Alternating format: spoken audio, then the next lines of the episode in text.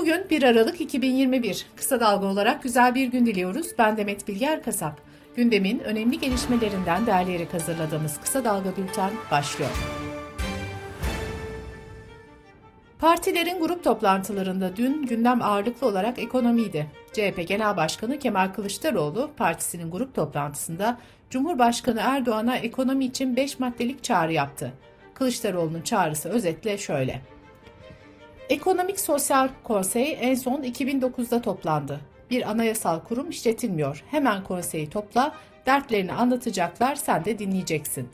Hemen ve derhal bir genelge çıkaracaksın, devlette israfa son vereceksin. Dövizle verdiğin garantilerin tamamını Türk lirasına çevireceksin. Adaletsizliklerden kaçınacaksın. Rüşvetçileri, yolsuzluk yapanları devlet yönetiminden uzaklaştıracaksın. Kılıçdaroğlu konuşmasında Cumhurbaşkanı Erdoğan'a ve Birleşik Arap Emirlikleri Veliaht Prensi Zayed'e ordunun Havelsan'ına, Roketsan'ına, Aselsan'ına el koyarsanız, satarsanız fitil fitil burnunuzdan getiririm diye seslendi. MHP lideri Devlet Bahçeli ise grup toplantısında Türkiye ekonomisinin yapısal zaafları vardır dedi. Bahçeli, enflasyonla mücadelede gönül birliğini hayata geçirmeyi önerdi ve mal ve hizmet üreten firmalarımızın temel ihtiyaçların fiyatlarında %2 ila %5 arasında indirime gitmeleri milli dayanışmamızın manevi harcıdır diye konuştu. Alparslan Türkeş Vakfı 3 gün önce Türkeş'i anma etkinliği düzenlemiş, yaklaşık 50 kişinin etkinliği basmasıyla kavga çıkmıştı. Türkeş'in eşi Seval Türkeş ve oğlu Ahmet Kutalmış Türkeş saldırıdan MHP'yi sorumlu tutmuştu. Bahçeli dünkü konuşmasında olaydan Ankara Büyükşehir Belediye Başkanı Mansur Yavaş'ı sorumlu tutarak şunları söyledi. Mansur Bey dikkat etsin, artık kendisinin arkasında bir ülkücü nefes vardır, her günde takip edecektir. AKP Ankara Milletvekili Tuğrul Türkeş ise Milliyetçi Hareket Partisi ve onun muhterem Genel Başkanı Sayın Bahçeli'ye yönelik saldırılar ancak Türkiye düşmanlarını sevindirir ifadelerini kullandı. CHP Genel Başkan Yardımcısı Seyit Torun ise Mansur Yavaş'a sahip çıkarak Bahçeli'ye tepki gösterdi. Seyit Torun, Mansur Yavaş Ankara'nın seçilmiş belediye başkanıdır. Mansur Yavaş'ın arkasında Ankara halkının ve Millet İttifakı'nın nefesi vardır diye konuştu. Deva Partisi kurucu üyesi emekli asker Metin Gürcan casusluk suçundan tutuklandı. Gürcan'ın polisteki ifadesinde yabancı misyon görevlileriyle zaman zaman görüştüğünü ve para karşılığı danışmanlık hizmeti verdiğini söylediği belirtildi. Deva Partisi Genel Başkanı Ali Babacan, Gürcan'ın casusluk iddiasıyla tutuklanması konusunda şunları söyledi. Metin Gürcan'ın devletin gizli bilgisine ulaşma imkanı yok. Hazırladığı raporlarda açık kaynaklar kullanır. Emniyet Sen Genel Başkanı Faruk Sezer 30 saat içinde 5, son 10 günde ise 10 polisin intihar ettiğini, intihar girişiminde bulunan bir polisin de hastanede tedavi gördüğünü söyledi. Sezer 2021'de 100 polisin intihar ettiğini de belirtti. Faruk Sezer polislerden sıkıntı, baskı, yıldırma, yorgunluk, bitkinlik gibi şikayetler aldıklarını aktardı. Türkiye'nin batı bölgelerinde iki gündür etkili olan Lodos'un faturası ağır oldu. İstanbul'da 4 kişi hayatını kaybetti, 46 kişi yaralandı. Lodos'ta şu ana kadar 141 çatı uçtu, 297 ağaç devrildi, 519 tehlike arz eden parça düştü. 36 araç hasarı yaşandı ve 52 trafik ışığı ve yön tabelası devrildi. Kocaeli'nde de 2 kişi hayatını kaybetti. Bültenimize COVID-19 gelişmeleriyle devam ediyoruz. Sağlık Bakanı Fahrettin Koca, COVID-19 vaka sayılarının güncellendiği haritayı paylaştı. Vaka sayısı en çok artan iller sırasıyla Tunceli, Adana, Gümüşhane, Mersin, Sinop, Hatay, Burdur, Kilis, Giresun ve Mardin olarak kaydedildi.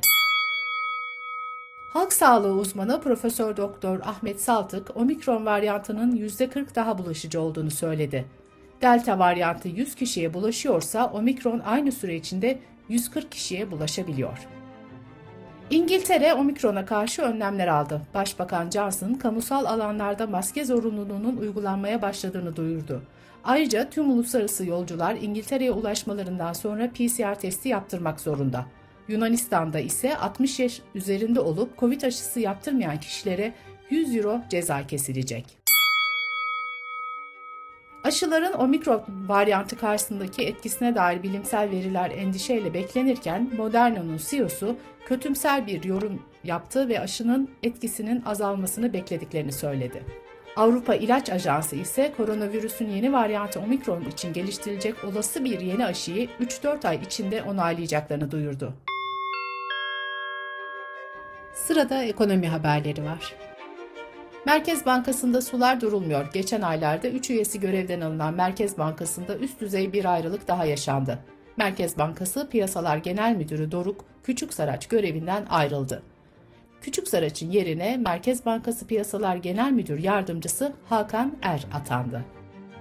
Türkiye'de geçen hafta döviz kurlarında yaşanan oynaklık bu haftada etkisini sürdürüyor. Güne yatay başlayan dolar, geçen hafta yakaladığı seviyeye yaklaşarak gün içerisinde yeniden 13 lirayı gördü. Euro da güne 14.59'dan başladı, gün içinde 14.76'ya kadar yükseldi. Ulusal Süt Konseyi 3 lira 20 kuruş olan çiğ süt litre tavsiye satış fiyatını %46.8 arttırarak 4 lira 70 kuruşa çıkardı. İstanbul Un İş Esnaf Sanatkarlar Odası simit ve pastane ürünlerine zam yaptı. 100 gram simit %30 zamlandı ve 3,5 lira oldu.